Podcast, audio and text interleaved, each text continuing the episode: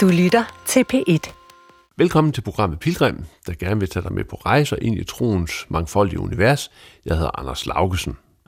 I dag der skal det handle om kunsten at leve sammen, at dele liv og at dele tro. Hvordan finder man en fælles vej gennem livet, samtidig med at man også giver plads til hinanden i et ægteskab og i en familie? Hvad betyder det at dele tro og kald? I dag der skal vi høre to samtaler med ægtepar, der har delt tro og liv i kortere eller længere tid.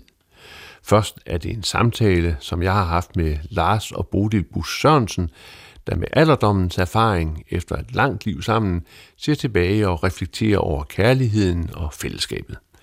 Herefter skal vi møde det noget yngre ægtepar, Christian og Katrine Schøller Holmgaard, for hvem den fælles tro og tilgivelsen som et centralt element er afgørende i deres ægteskab og familieliv. Men først skal vi altså møde Lars og Bodil Bus Sørensen, der begge er læreruddannede, og som sidste år kunne fejre krondiamantbryllup efter 65 års ægteskab.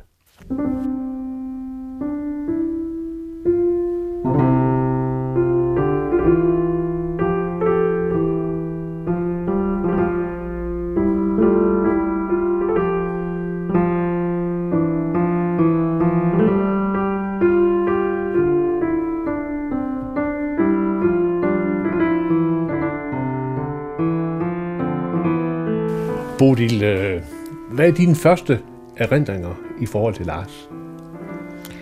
Ja, det var jo på seminariet. Vi var jo, det var nærmest en kostskole, hvor vi alle sammen kendte hinanden. Men han gik jo et par klasser over mig, så jeg synes, jeg var i hvert fald klogere, end jeg var. Og det var han nok også. Men uh, det er nok min første erindring om. Han var god til at sige noget, kan jeg huske, når han holdt tale eller sådan noget. Det var jeg jo lidt imponeret af. Mm. Hvad, hvad med dig, Lars? Hvordan fik du øje på Bodil?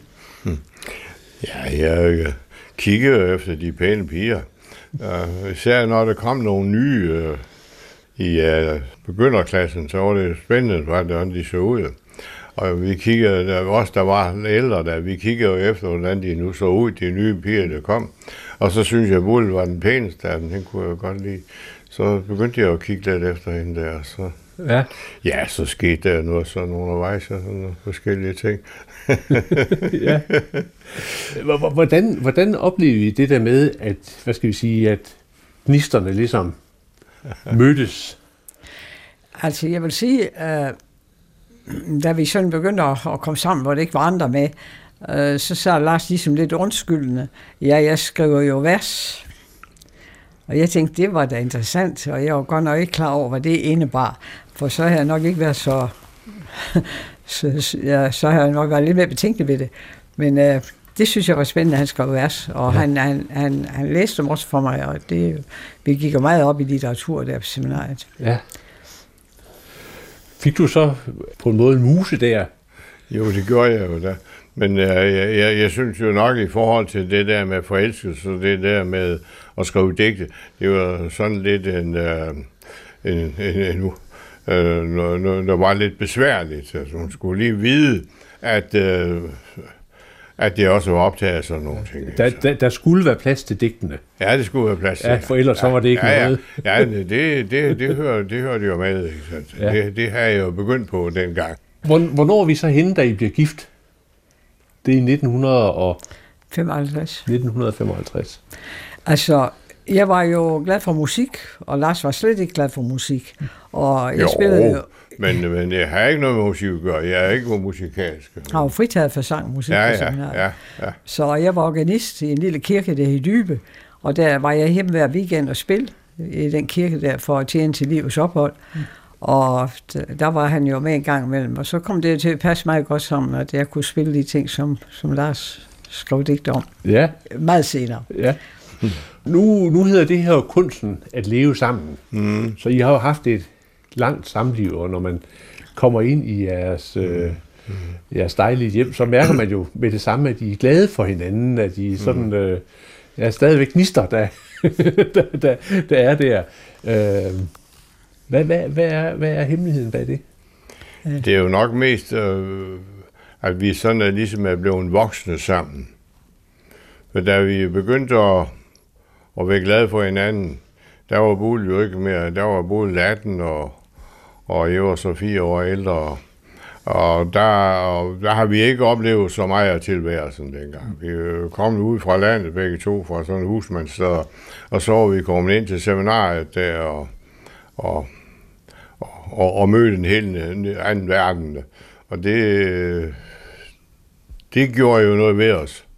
Jeg synes, vi, vi, er, blevet, vi er vokset op sammen, ja og mødt de samme ting og, sådan noget. Og, også, og så fandt vi også ud af, at vi havde, vi havde de samme... Øh, vi havde de samme drømme, de samme øh, tanker om tilværelsen. Sådan noget. Vi, vi har ligesom, jeg tror, vi begge to har haft det sådan hele tiden, at vi ligesom føler, at, at, øh, at vi havde en opgave i tilværelsen. Mm. Vi, vi skulle noget eller andet. Ja, det kan jeg kun sige ja til. Men øh, nu har vi også samme arbejde, så vi var jo meget optaget af hinandens skolearbejde også. Og øh, nu har vi altid, ja, vi har jo fire børn, så der blev noget at rive i der. Og jeg vil ikke sige, at vi er ens. Jeg tror nok, vi er meget forskellige. Øh, Lars er ikke praktisk. Han har aldrig lavet mad og passet børn. Eller jeg kan huske en gang, han skiftet en lille, jeg tror, jeg var til frisør. Og så sagde han, da jeg kom her, jeg synes næsten, det var nemmere, at vi havde taget en ny. og, ja, det synes jeg jo så ikke. Men, men uh, vi har fire børn, og vi har en ung pige i huset, og på den måde, der gik det jo alt sammen, og, og, og være lærer sammen også, og have kolleger sammen. Vi har aldrig haft så mange gode kolleger, det må mm. jeg endelig sige, og gode skoler er på arbejde ved. Ja. Altså både i Skagen og til sidst jo i Harboøre, øh, hvor Harboøre skole, hvor vi havde vældig godt øh, kollegialt samarbejde og, og kunne være sammen også privat og have det ret sammen. Så, så det der med ligesom på en måde at leve livet sammen? Hmm. Ja, Altså... Det, er, det er jo altså det er jo mange ting. Øh, selvfølgelig er vi utrolig glade for hinanden, og det er, gør meget ondt, hvis jeg tænker på, at vi endda så skilles, og hvem der så bliver tilbage. Men øh, vi har jo også haft så utrolig meget fælles forskelligt. Det er ikke bare, vil jeg sige, øh, der er så mange ting, der binder os sammen. Øh, det er ikke bare, øh, hvad vil jeg sige, hvis man tror, det er sådan bare en forelskelse, det hele, så er det jo ikke det. Det er også at have et godt venskab sammen, og kan stole på hinanden, have tillid til hinanden, når det kniver, og altid vide, at den anden er der. Mm. Altid vide, at den anden er der. Det, det, det har jeg aldrig været i tvivl om.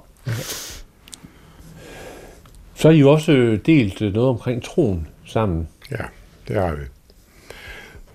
Kan vi sige, vi, ja, vi er jo vokset op sammen, så altså, vi, vi, vi kom jo begge to fra sådan ude på landet, og fra den lidt indre missionske miljø, og kom på seminariet, og, og mødte en helt anden, helt, også en helt anden måde at tale om det religiøse på. Mm. Og det har vi oplevet sammen. Og, og det, øh, det har vi også udvekslet mange tanker om. Så, det, det blev så med, at jeg skrev salmer og sådan noget, både spillet til Um, det, noget af det, af det um, bedste samarbejde, vi har haft, det var jo også dengang, uh, um, jeg sådan har skrevet nogle sammen, og salmer blev inviteret ud til forskellige menigheder for at præsentere dem, og så bullet spillet til. Mm. Det har vi haft en, meget glæde af og faktisk kører rundt det hele landet på den måde. Vi har både Skagen og Bornholm, og mm. mange gange i København og Aarhus og sådan noget. Og det, det har vi meget glæde af. Ja. Jeg tror også, det betyder meget, at vi har givet hinanden lov. Øhm, nu er jeg meget udadvendt, og har, jeg har malet en hel del, og er glad for kunst, og har været meget optaget af kunst, og selvfølgelig også musik, og jeg har kastet mig ud i politik, og Lars har aldrig været optaget af den slags, altså så var han jo, men han har altid stået bag ved mig, når jeg skulle prøve, min, prøve de ting der, og det har jeg været glad for. Og så havde vi en utrolig tur sammen til København et år. Det var, da vi havde to børn. Vi fik jo efterhånden to mere. Men øh, dem havde vi med derovre, og jeg havde musik på linje, og Lars havde litteratur på, på det, man kalder øh, pædagogisk universitet i Danmarks Lærer Højskole. Og der var vi et år og boede derovre i en, en villa i Hellerup og havde ung pige med. Og der oplever vi altså nogle ting, som vi ikke har oplevet før fra de der små steder, vi kom fra. Mm. Hvad, hvad var det? Det var Luciana. Og det var alt, hvad der skete der. Og hver søndag, så tog vi i kirke et andet sted i København. Så vi var i, ja, tog vi til gudstjeneste for at se, hvordan er det i Hellerup, hvordan er det på Nørrebro, hvordan er det altså et eller andet sted. Og, og det gav os et øh, meget indblik i det. Og ja, jeg kunne så være med til torsdagskoncerterne til prøverne hver gang. Det var også helt vidunderligt. Og øh, fik undervisning i klaver og i rytmik og i alting. Men uh, jeg synes, det gav os et indblik i en anden verden, og som nok også gjorde, at vi blev lidt, uh, ja, vi blev lidt dristige, lidt mere dristige af, hvad derude. Og, og skulle så prøve nogle af alle de ting, når vi kom hjem igen.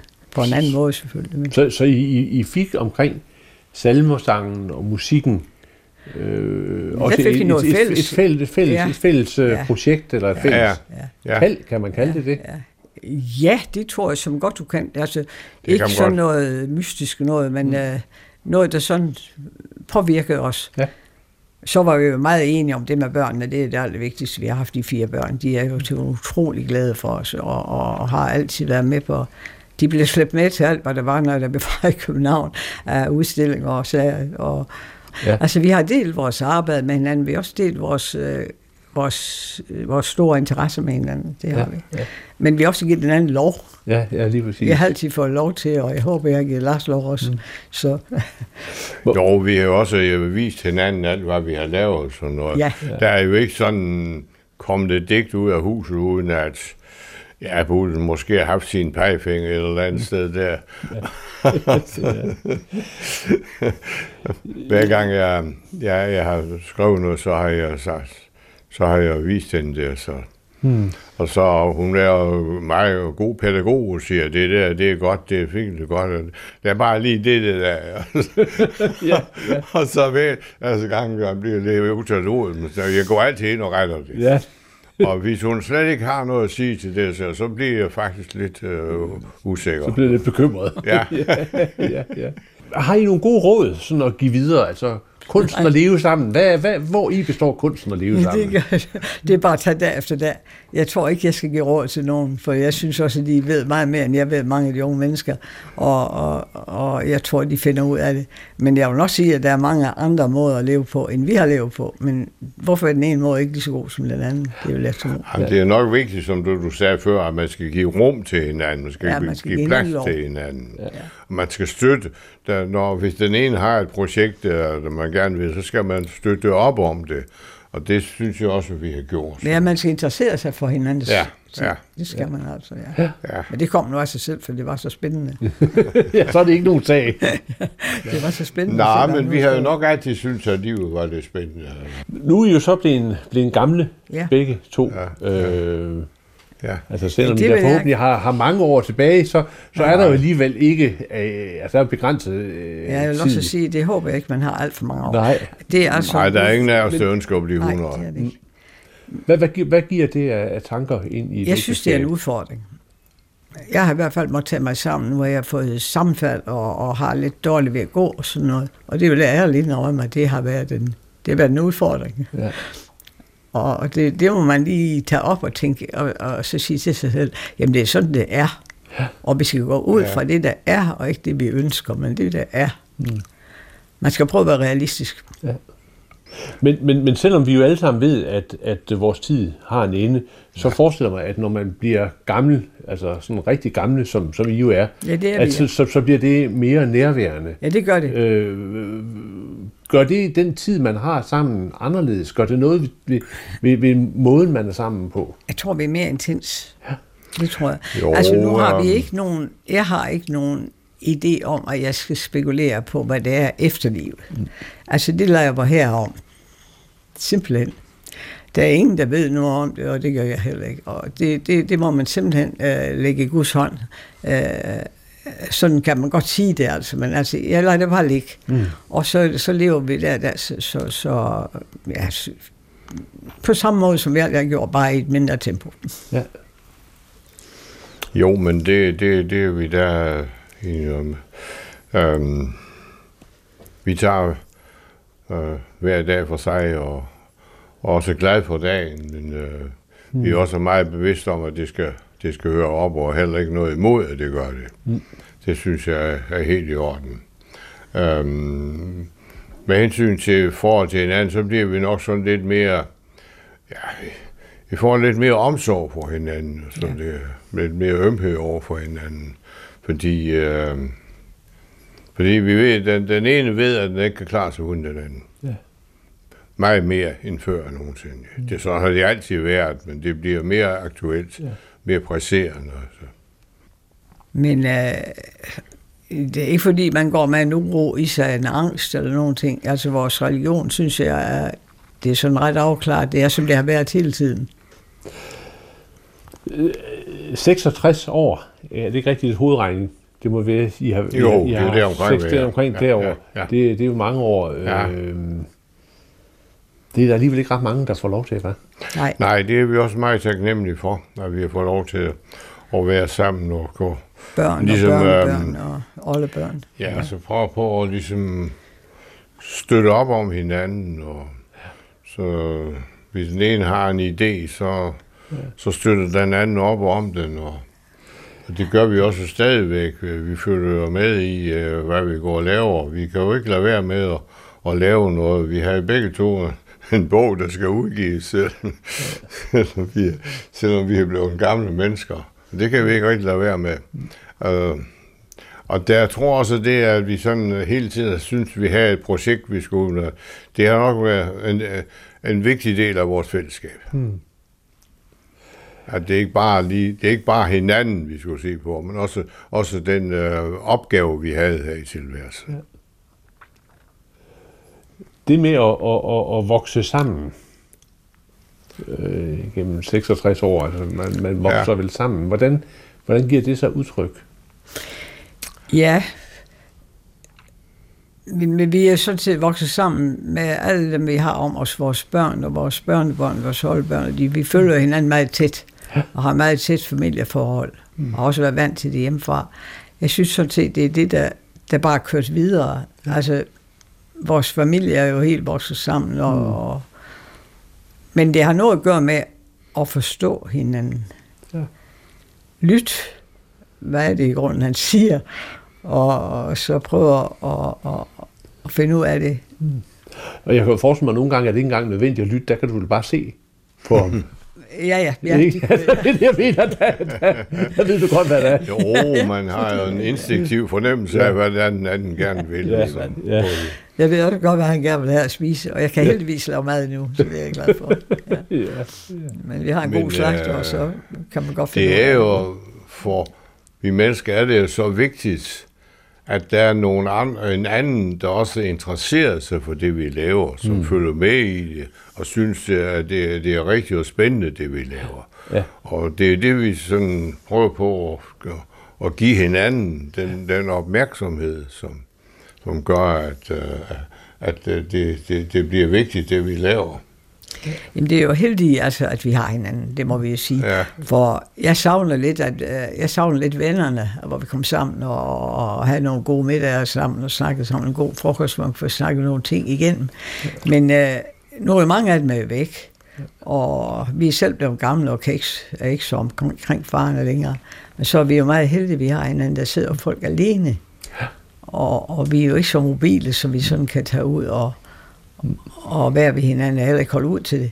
Så der er altså nogle ting, man må erkende, er blevet anderledes. Og det godt være lidt svært, synes jeg, men man skal lige tænke det igen. Ja. Har I stadig nogle ting, I gerne vil? Hvad sagde du? Har I stadig nogle ting, I gerne vil sammen? Har I, ligesom, har I, er I kommet omkring det hele, eller er der stadigvæk noget, der ligesom tænker, det vil vi gerne lige nå? Nej, nej, vi har meget, vi, vi er ved at... Lige nu læser vi Karen Bliksen sammen om aftenen. Bolig, jeg har læst et sted, at du faktisk i rigtig mange år har fået digte en gang om måneden.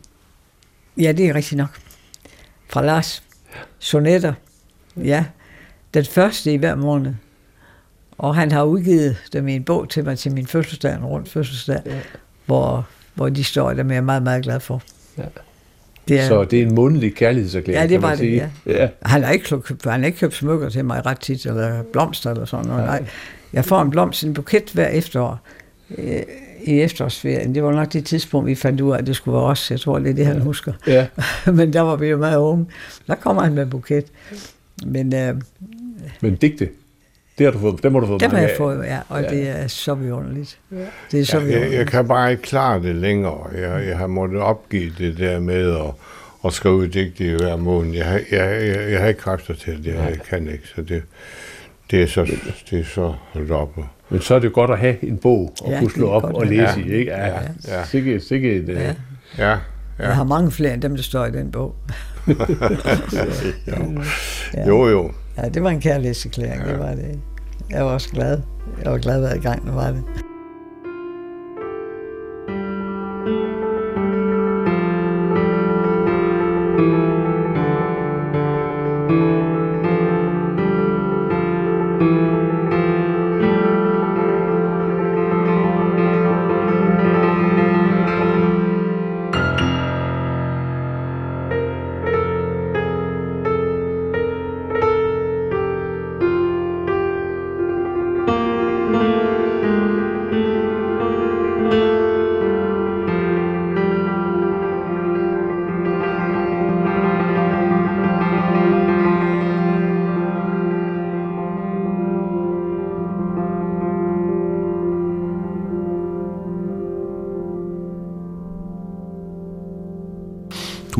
Du Lars og Bodil Bus Sørensen, som reflekterede over kærlighed, poesi og det at blive gammel sammen. I den næste samtale skal det handle om troen som afsæt for ægteskab og familieliv, om det at finde kald, både i folkekirken derhjemme og som missionærpar i Etiopien. Malene Finger Grøndal har mødt ægteparet Christian og Katrine Schøller Holmgård. Christian Schøller Holmgaard og Katrine Schøller Holmgaard, vi sidder i det Kongelige Biblioteks have her midt i København. Og det er derfor, man kan høre lidt fuglepip, og man kan måske også ane en brusen af den her vandskulptur, der er i baggrunden. Øhm, men vi er, vi er sat os her, fordi I har lovet at mødes med mig for at tale om kunsten at leve sammen, og sådan i relation til, øh, til tro. I må gerne lige præsentere jer selv sådan forholdsvis kort med øh, alder og hvad I sådan laver, når, når I ikke sidder her på en bænk og, og ligner nogen, der har god tid til at, til at sidde og nyde livet sådan øh, sammen. Ja, jeg hedder Christian Holmgaard, jeg er 38 år, og jeg er teolog, Ph.D. i Nytestamente. Har været lidt sovnepræst i Folkekirken, men er primært øh, lærer i Nytestamente på Dansk Bibelinstitut ude på Islands Brygge. Og så er jeg gift med Katrine, og vi har tre børn. Øhm, og vi har været gift i 12 år snart. Øh, og har været i Etiopien øh, i to år, fra 17 til 19. Og ellers også rejst rigtig meget rundt omkring i verden faktisk øh, sammen. Øh, som en del af vores liv indtil videre. Haft vores børn med rundt omkring. Øh, ja. Men de sidste tre år efterhånden har vi boet i Hvidovre. Øh, har et hus der og nyder livet derude. Ja. Og Katrine, vi, vi er her, fordi det er tæt på dit arbejde, så du kan måske afsløre, hvad, hvad du er uddannet og hvor du arbejder til daglig. Ja, jeg øh, arbejder i statsministeriet. Jeg har læst statskundskab og har arbejdet i det offentlige, eller i det statslige, øh, i 10 år, tror jeg det er. Før da havde jeg et par år i Mærsk. Det var også noget af det, der gjorde, at vi var i udlandet. Så I har oplevet en hel del sammen i de her år. Det, der bragte jer sammen, hvad var det? Kan I sige lidt om, hvordan I mødte hinanden? Jamen altså, vi øh, begge to studerede i København, og så begge to en del af KFS, Kristigt Forbund for Studerende, mens vi læser her. Jeg tror, vi har vist nok mødt hinanden, før vi flyttede til København, men det er ikke sådan, at vi sådan begyndte at lære hinanden at kende der. Øh, og så havde vi øh, ja, dels nogle fælles venner, men øh, også det, at øh, Katrine hun begyndte at få en øh, læseplads inde på øh, DBI, som dengang lå inde på, ved Kultorvet. Og øh, det var vist der, vi begyndte sådan at se lidt til hinanden. Øhm, og så skete der så også det, at nogle af vores fælles venner inviterede os med til, på en tur til Spanien. Det var sådan, vi studerende, vi havde lang øh, vinterferie. Og så skulle vi afsted, og så var der nogen, der foreslog, skulle vi lige tage afsted? Så, og så blev det lidt en tilfældig gruppe, der tog afsted sammen. Og øh, så, så var vi afsted der, og det var, det var der, vi sådan rigtig fik øje på hinanden. Og så i løbet af det forår, så, så lærte vi hinanden endnu bedre at kende og blev kærester hen i, i sommeren 2008, må det være. Ja. Hvad betød det at have en fælles tro som udgangspunkt? Altså, udover at man forelsker sig i, i den anden, som det særlige menneske vedkommende er, spillede troen så en rolle i forhold til både det at få øje på hinanden, men også det at beslutte faktisk at skulle være sammen? Jamen, det tænker jeg da helt sikkert. Øh, på en eller anden måde, så, så ved man på forhånd, at man nok har nogle fælles værdisæt og et fælles grundlag, et fælles fundament og, at bygge på, og der er ligesom nogle ting, som øh, man mere kan tage som udgangspunkt, øh, end hvis man møder en tilfældig på gaden. Øh, og øh, i forbindelse med, at vi rejste til Etiopien, der var vi til sådan en en, øh, nogle, Screening. Ja, screening hed det. Og nogle samtaler med en psykolog, som også talte med os om vores øh, parforhold, øh, og hvad vi kunne øh, oplever udfordringer. Og der snakkede hun nemlig om det som et hus, hvor hvis man havde fundamentet til fælles og øh, et fælles værdigrundlag, så ville det være nemmere at øh, bevare et godt forhold. Øhm, og det er jo i hvert fald sådan en referenceramme, der er nem også i forhold til det, du spørger om. Og og se, at, øh, at ved at vi har mødt hinanden gennem Kristelig Forbund for Studerende, så har vi jo også vidst, at vi havde et fælles fundament på den måde at kunne bygge ud fra. Var det noget, var det noget, så I ligesom bare vidste, eller var det også noget, I talte om? Altså, hvis vi to skal giftes, hvad er det så virkelig, øh, vi vil med det, eller hvad betyder troen, eller var, var det noget, I, I drøftede sådan øh, eksplicit?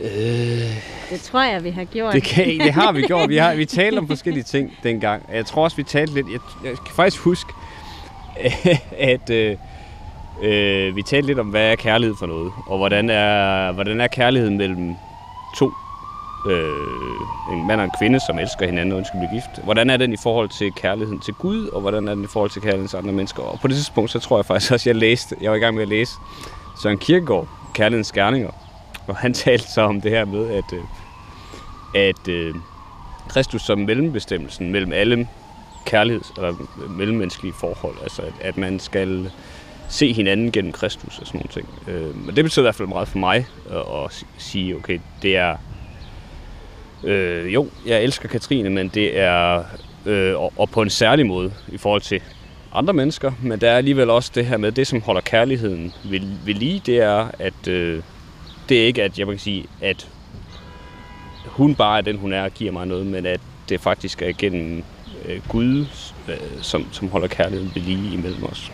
Sådan, sådan tænkte jeg i hvert fald om det. Ikke om jeg satte så mange... Jeg tror, jeg sagde det til dig på et tidspunkt, men du sagde det måske bare, at det, det var lidt for abstrakt men altså, Hvad tænker du om det i dag? Er det, er det for abstrakt, Katrine? Eller kan du, kan du godt på en eller anden måde øh, forstå også i, altså i lyset af det liv, vi nu har haft sammen, hvad det, hvad det vil sige? Jeg vil sige, jeg kan ikke lige huske den samtale, men jeg tror det er helt sikkert, at vi har talt om det. Øhm, og, og jeg tænker da også, at øh, det er en, en meget god og givende ting, at, øh, altså, at vi begge to tror på tilgivelse som et ja. vigtigt koncept i hverdagen i relation til Gud og i relation til hinanden. Og, og det tænker jeg, det har man et sprog for, når man har tro. Øh, fordi det er noget, man kan høre om hver søndag i gudstjenesten. Altså, og, øh, ja, det er i hvert fald noget, uanset om man forstår kirkegård eller ej, så, så, er det, så er det noget, man kan anvende også i, i relation, både til ægtefælde, men også i alle andre relationer. Øh, jamen, jeg tror også, det er det, han...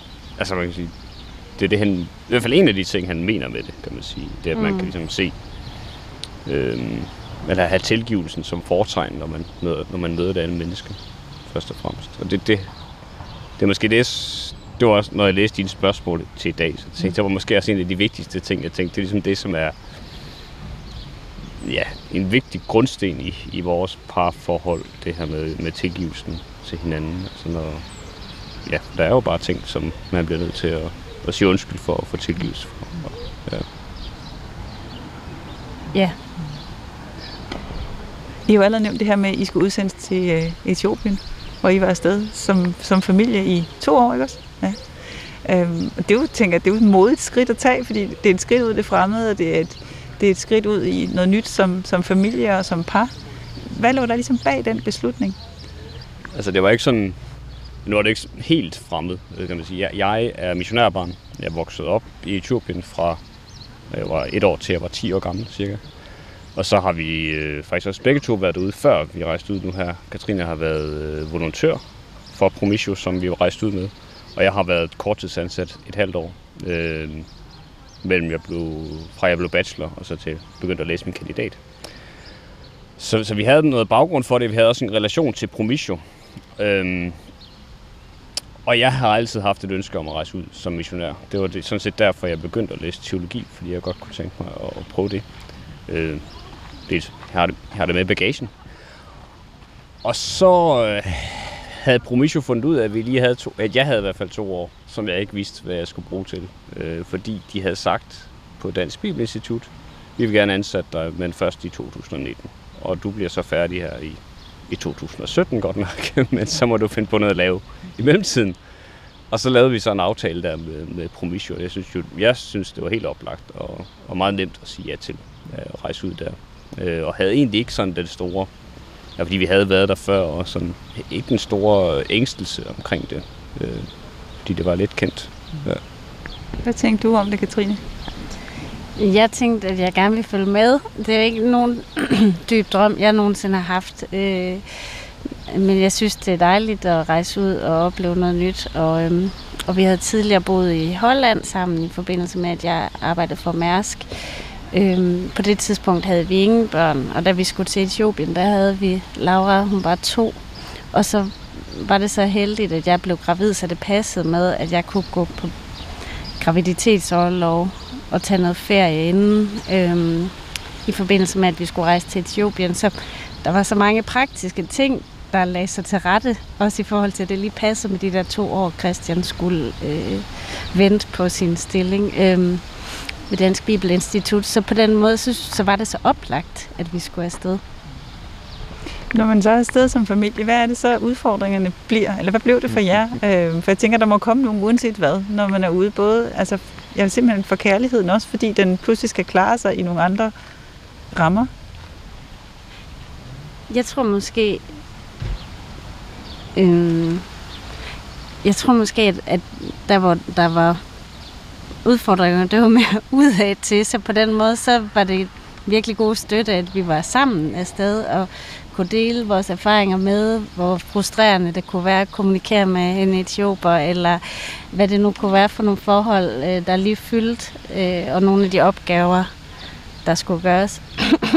så på den måde, så øh, synes jeg egentlig, vi havde et rigtig godt fællesskab der. Og der var så også det forhold, at øh, sådan et land som Etiopien, der, der bliver det mørkt klokken syv hver aften. Og man skal helst ikke færdes ude, øh, i hvert fald ikke på gåben, og der er ikke så mange aktiviteter om aftenen, og vi havde små børn, så på den måde, så havde vi rigtig meget tid med hinanden i hjemmet. Og, øh, og det, det var jo øh, godt for vores forhold i hvert fald, at vi havde så meget tid og hyggeligt. Øh, tænker ja, jeg. altså det er jo både, jeg vil sige det, ja, vi havde meget tid sammen, også fordi jeg primært arbejdede hjemme. Altså jeg, mit, jeg havde kontor, og så var skolen, hvor jeg, under, jeg underviste i teologi, den lå lige ved siden af. Jeg kunne bare gå derop, når jeg skulle undervise, så jeg kunne sådan set bare sidde derhjemme og forberede mig. Så, så vi havde, der var meget tid, hvor vi sådan set bare øh, var sammen, og jeg kunne sådan deltage i alle måltider og sådan noget. Så det var virkelig et privilegium som familie der. Men samtidig så var det også en periode, synes jeg, hvor vi, hvor vi havde et hjem, hvor der faktisk kom mange forskellige mennesker. Øh, dels så, så, så øh, er der bare, så havde vi hushjælp, og der var vagter omkring huset. Der var altid nogle andre mennesker. Øh, og så var der volontører måske, der kom, eller der kom gæster fra Danmark. Så der var, hele tiden, der var ofte nogle folk, som sådan kom på besøg. Så på den måde, så, så var det både, at vi sådan set havde meget tid sammen, men samtidig så, så var det også en periode faktisk, hvor vi sådan skulle være værter, eller tage imod folk, eller sammen være... Øh, være arbejdsgiver, eller sådan, at være enige om, hvad er det så egentlig, vi siger, hvis der er et problem med den her person, eller, eller hvis, ja, hvad, det, hvad det nu kunne være, øh, forskellige ting. Og, og egentlig, så, så, det var så mig, der havde ansvaret. Så. Så kom Katrine måske klage til mig, og så måtte jeg finde ud af, hvad jeg så skulle sige til vedkommende, eller hvad, hvordan det løber. Men, øh, Nej, det var det noget, vi snakkede om. det lyder som om, jeg lagde bolden helt over til dig. ja, ja, det er rigtigt. Men hvad gør det, det der med pludselig at være i nogle andre omstændigheder, og måske rollerne er anderledes, og hverdagen er anderledes? Altså, øh... Ja. Altså, jeg vil, jeg vil sige, det, jeg tror også, det formede os meget som måske den der tanke om, at øh, at være engageret som par i, i kirkeligt arbejde. Øh, indtil da, det var vi så også havde gjort det i Danmark, og, men vi havde sådan, vi havde efter vi var blevet gift, så havde vi rejst til USA lidt tid, og vi havde været i Holland noget tid. Øh, Katrine havde også arbejdet en periode, hvor, hun ikke boede, hvor jeg boede i Danmark, og hun ikke boede i Danmark. Og, øh, vi var ikke sådan meget engageret, øh, begge to. Men jeg tror, her blev det ligesom lidt mere os som par, der ligesom var i den her tjeneste. Øh, både øh, hvad angår det, jeg gjorde, så blev Katrine som betragtet som, jamen det var ligesom lærernes kone, og så var det så også øh, i den kirke, som vi så var engageret i, hvor vi så også begge to øh, fik opgaver og var en del af det. Og, og så he, hele den her kultur, altså særligt fra etioperne, der er der jo meget den her titel og erbødighed over for missionærer, men særligt for folk som præster, folk som har en eller anden form for øh, formel rolle. Men det var der så også i øh, måske blandt amerikanere eller andre, som, så vi fik på en eller anden måde sådan en eller anden form for, for position eller status, som, som vi ikke havde i Danmark. Øh, så det, det gjorde vel også noget ved os, kan man sige, i den måde, vi sådan fremstod på dernede. Øhm, du sidder og griner ja, Hvad tænker du, Katrine? Det var noget af det, jeg ikke brød mig om. Men det, at have, det at have en fælles opgave, det er ligesom at sige, som par, der kan vi noget. Altså måske har vi endda fået en opgave. Altså måske ja. er det meningen, at vi skal det her. Mm. Var det altså en tanke eller noget, der, der ligesom kom til at fylde identitetsmæssigt? Men jeg tror, vi begge to voksede op med, at, at, at man bidrager med det, man kan. Så jeg synes ikke, det var en ny tanke. Øh, og, og jeg tænker egentlig også, at vi har bidraget sammen, før vi har rejst ja, ud. I den, vi kommer i Apostelkirken på Vesterbro, en folkekirke der, øh, og har øh, været engageret i forskellige udvalg og alfa-kursus og øh, mange forskellige ting. Så jeg, jeg tror ikke, jeg ser sådan helt lige så skarpt et skæld, som Christian kan med, at det, det var noget særligt fælles øh, på en anden måde, da vi rejste ud. Men jeg sidder og tænker på, Christian, du har også en historie for din barndom. Altså, du har også oplevet dine forældre være missionærpar. Ja. Og i det hele taget den der tanke om, at man ikke bare som enkelt individ, men som par eller familie har en særlig rolle at spille. Altså i mm. forhold til en, en kaldelse. Har du også den med dig derfra, tror du?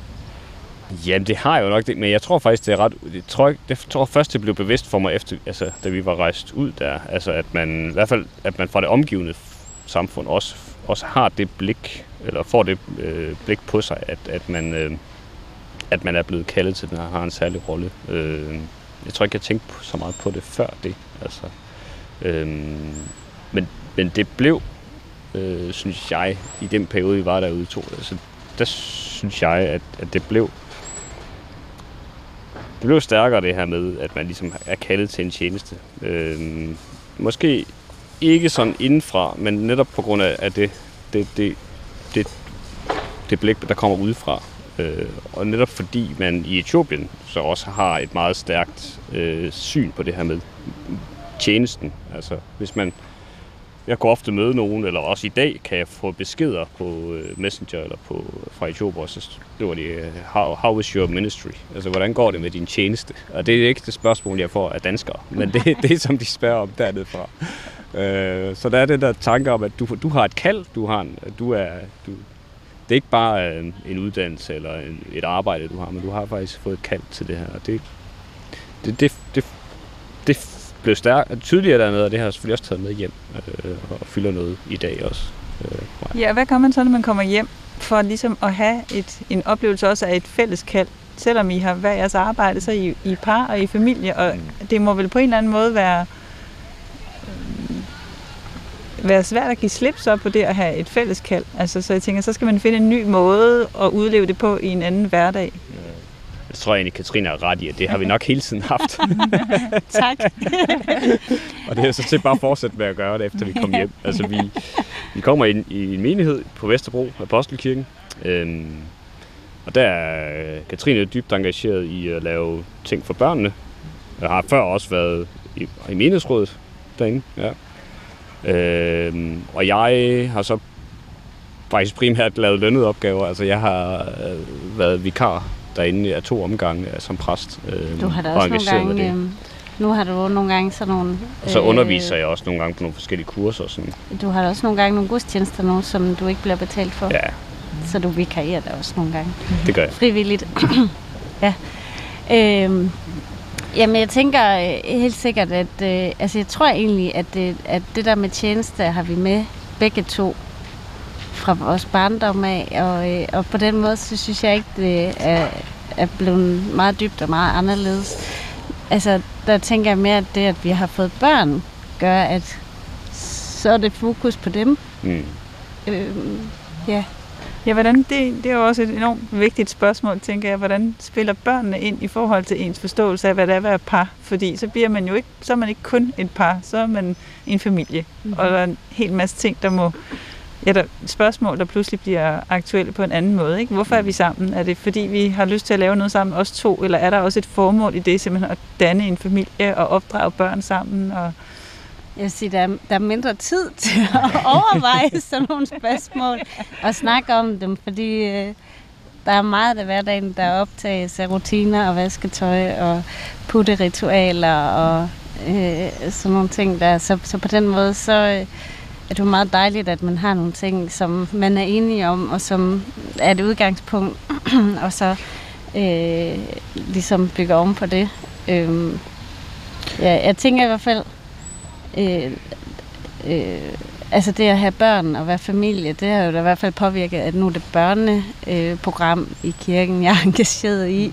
Det er da kun fordi, at ja. jeg ved, hvor vigtigt vi synes, det er, at børn også er velkomne i kirken og får noget godt ud af det, øh, og er glad for at, at sige, ja, i dag er det søndag, vi skal i kirke. Altså, det betyder noget, at, at de kan opleve, at det er sjovt. Ja, altså jeg tror også, at det med børn, det, så bliver det jo også en del af ens opgave eller kald. At man, man har en opgave i at give dem troen, eller at de kan få... Og, og det har vi jo så også prioriteret. For, altså, vi ville ikke være kommet ind i Apostelkirken, for eksempel, hvis der ikke var noget for dem. Og, hvad, og vi forsøger så også at opsøge forskellige øh, steder eller andre ting, hvor man ligesom kan hvor de kan få et fællesskab med andre øh, børn omkring, omkring troen. Så det, det har det har betydet noget også i det. Øh, og, og vi arbejder ja, det er mest med rutiner, ikke? Altså, vi gør det, men altså, det, og, og måske er det også noget, vi, vi ikke har diskuteret meget. Vi har været ret enige om, hvordan vi vil gøre tingene. Øh, men... Øh, altså, tænker du på sådan noget som at, og, øh, ja, holde en, en aften yeah. andagt med børn og læse lige lidt i børnebibelen og synge nogle sange med dem eller bede en bøn sammen yeah. med dem, øh, inden de, de er lagt til at sove. Og vi synger til bords også. Ja. Ja. ja. Ja, jeg tænker, man kan jo ikke vide på forhånd, hvor enig man er. Øhm, af til, så, øh, så har jeg hørt folk, der sådan siger, om den hellige familie, det er ligesom det er idealbilledet, ikke? Og så mm. kan de sådan føle sig helt øh, forskræmt over, hvor håbløst det er at skulle leve op til, eller de kan se, se på andre kristne familier, de måske mest ser udefra og tænke, hold da op. Øhm, altså man kan sige, i Bibelen er der også masser af eksempler på meget sådan realistiske beskrivelser af svigt og brud og konflikter i familier. Altså, så jeg tænker, hvilke erfaringer har I med det? Altså, hvordan oplever I selv det der med, at man er udspændt måske mellem idealer, og også det, der lykkes, og så det, der, der bliver svært? Jeg tror egentlig ikke, jeg har, øh, hvad kan man sige, i hvert fald ikke sådan ideal om, om familien på den måde. Altså, jeg tror måske mere, det som er kernen i en kristen familie, det er tilgivelse, og, og det er sådan set det, som er det afgørende for os. Det er også, og det er også det, som jeg øh, tænker, det vigtigste at give videre til vores børn, det er det her med, at øh, ja, vi kommer til at sove hinanden, men vi, vi tilgiver os hinanden, når vi kommer videre, og vi har stadigvæk relation til hinanden. Øh, så det handler ikke så meget om, at vi sådan er er perfekte, og at øh, vi elsker hinanden så meget, meget mere end andre, men, øh, men at vi kan, øh, ja, at man kan sige undskyld og, og på, på grund ja, vide, at, øh, at vi er vi, de, vi selv er tilgivet mennesker af Gud, men også at vi også kan give den tilgivelse videre til, til andre. Jeg tror heller aldrig, jeg har tænkt meget på idealfamilie øh, og den hellige familie som sådan. Og jeg er meget glad for, at der er de beskrivelser i Bibelen af nogle meget realistiske situationer og, øh, og øh, ja, relationer, der ikke lige er så ideelle måske. Men tænker, der må også være noget med, hvad hele ens sådan horisont for ægteskabet og familien er. Altså hvis man hele tiden tænker, hvis det her ikke lever op til mine forventninger, så er der andre muligheder. Altså det er jo anderledes horisont, end hvis man tænker, jamen vi har besluttet det her, og med Guds hjælp, så må vi jo altså blive sammen så, og gøre det så godt, vi nu kan. Altså, hvordan vil I ligesom beskrive den horisont, der er for, for jeres familieliv og, og ægteskab? Det er i hvert fald noget, vi snakkede om, før vi blev gift. Det var, hvilken horisont vi havde. Og det er jo netop den, du beskriver med, at jamen, vi står det igennem med Guds hjælp. øh, og, og, og vil altid søge en løsning i fællesskab. Altså, øh, vi tog også sådan et prep-kursus, mm. øh, da vi var forlovet. Og der var sådan nogle meget gode øh, basisredskaber til samtale, som man bliver præsenteret for. Det her med, at jamen, det er meget godt, måske hvis man er meget ophidset over et eller andet, og så lige gå være til sit i 20 minutter, og så bagefter have sådan en samtale, hvor jeg tror, det, det de øh, anbefalede, det var, at man anvendte en eller anden øh, en hårbørste, eller hvad det nu kunne være, en eller anden ting, som skulle udgøre en mikrofon, og så skiftes man til at sidde med den, og så er man den, der havde taleretten, og så skulle man skiftevis lytte på, hvad er det, den anden mener, og hvordan er det, vi har misforstået hinanden, eller hvad, hvad er det for nogle følelser, der er på spil. Øh, og det er ikke fordi, jeg egentlig kan huske, at vi har anvendt den metode. Vi har prøvet måske én gang, tror jeg. Det kan godt være, vi, ja. vi har det. Men, men det er jo i hvert fald sådan noget, hvor, hvor jeg synes, at det er rart at vide, at der findes nogle redskaber, der kan hjælpe, hvis nu mm. man synes, det her det er helt i tårne, og vi har brug for at lige øh, gå til det på en eller anden måde. ja. Jeg tænker, det peger også lidt tilbage på måske det, Christian sagde om, om Søren Kierkegaard og, og, og, og, øh, og det her med tilgivelsen og, og hvordan Gud spiller med i det. Altså, at hvis man har forestillingen om, at den anden skal, skal være så fantastisk, at jeg bliver ved med at være forelsket hele tiden, eller det er ligesom den andens præstation og min egen, der skal bære mm. ægteskabet, så bliver det, tror jeg, det bliver svært. Altså, så der er vel også et eller andet med, at, at en forventninger om det andet menneske er anderledes, fordi man måske også forventer, at, at der er øh, den tredje part, som kan gøre det, man ikke selv kan. Altså lige i situationen, kan man sige, hvor man øh, er i en konflikt, så, så synes jeg, det, så det er ikke sådan lige det, der fylder mest, men det er rigtigt sådan, jeg synes i mit trosliv, eller i mit bønsliv og sådan noget, der er det, der er det, jo, der er det jo det, at, at det er, der er det den tredje part, man kan vende sig til. Og også sammen. Nogle gange så er der også ting, altså, hvor vi enten er i konflikt, eller hvor vi har noget, vi bekymrer os om, som vi ikke kan overskue, hvor vi bærer sammen om det. Øh, og det er da helt klart en, en utrolig vigtig øh, ressource, kunne man måske, man skal, kan kalde det, eller fundament eller ramme at have sit, øh, sit øh, forhold indeni. Øhm, og øh, øh, på mange måder, altså nu spurgte om det her med horisont, det var jo det, vi, det, det er rigtigt, det, det talte vi om. Altså at, øh, ja, vi, øh, vi, vi er i det her, og vi øh, arbejder på det, og, og øh, så bruger vi troen, men vi bruger så også de der, øh, hvad kan man sige, prep er jo ikke særligt kristent. Det er mere bare handler om kommunikation, men bare det at tale sammen og forsøge at, at arbejde med tingene. Øhm, det har da været enormt vigtigt for os. Øh, og jeg, jeg tror måske personligt, så jeg kan simpelthen ikke, øh, jeg, har, jeg har svært jeg, jeg, jeg, jeg kan nærmest ikke engang gå i seng ud, hvis vi altså, øh, har fået en eller anden form for resolution på, på vores, hvad der har været.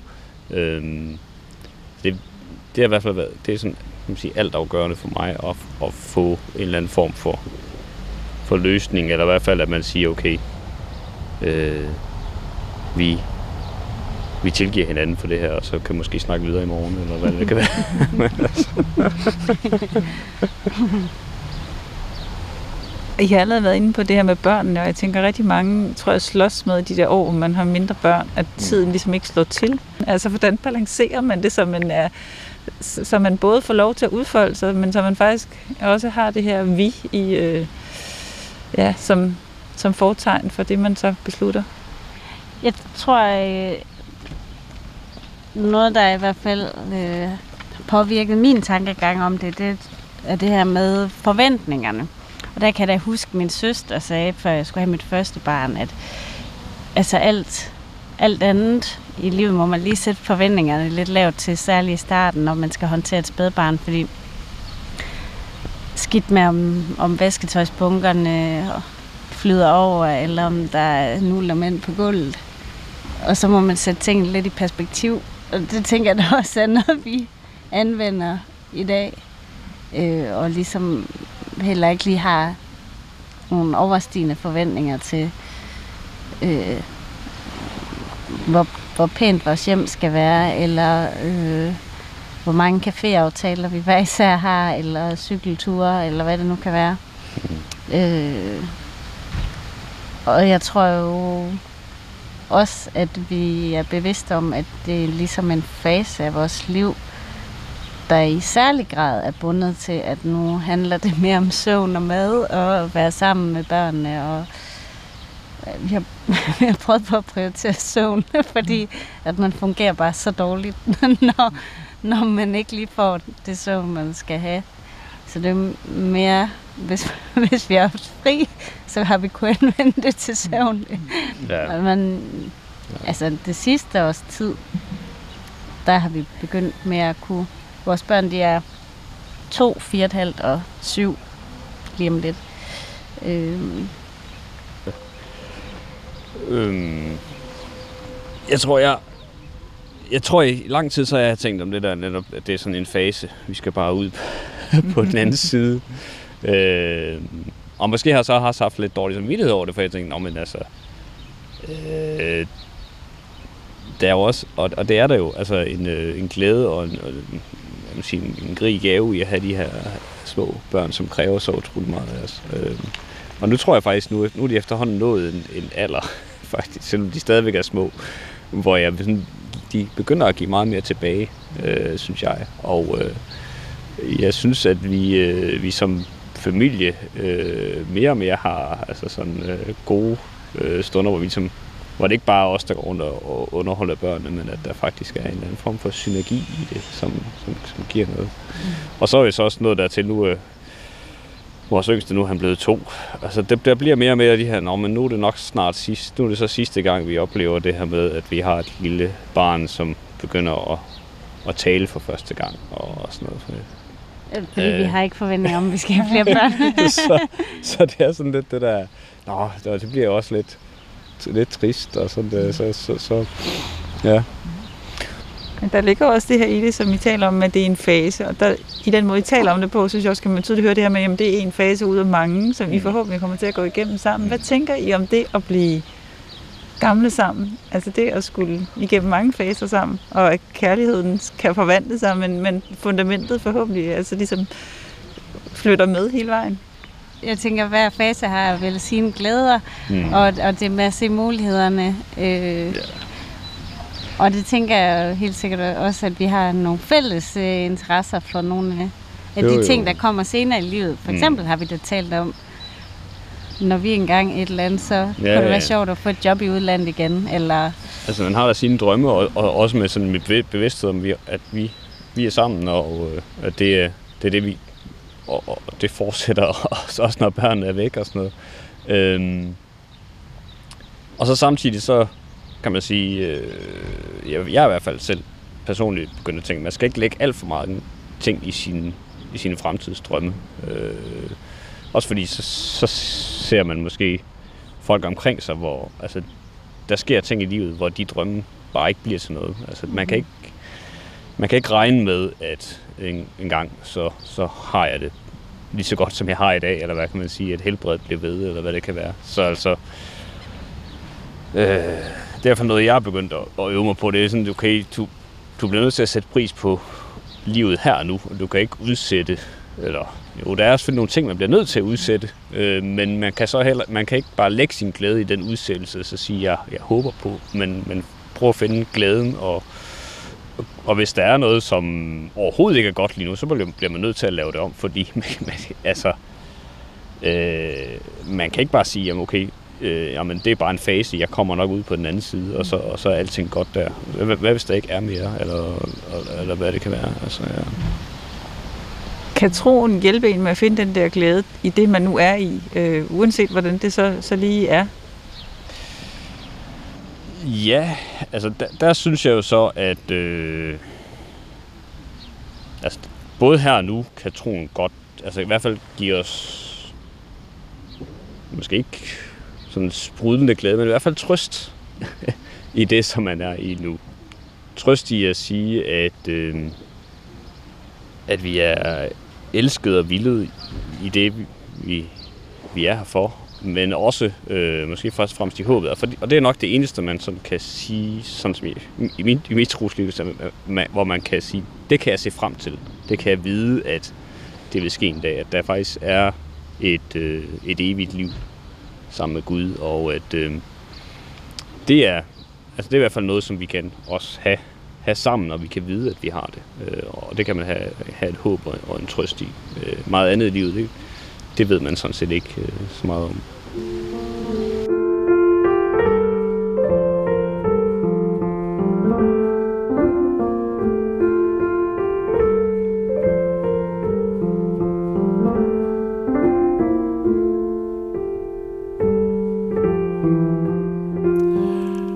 Ægteparet Katrine og Christian Schüller Holmgaard i samtale med Malene Finger Grøndal. Pilgrim er slut for denne gang. Tak fordi du lyttede med. Jeg hedder Anders Laugesen.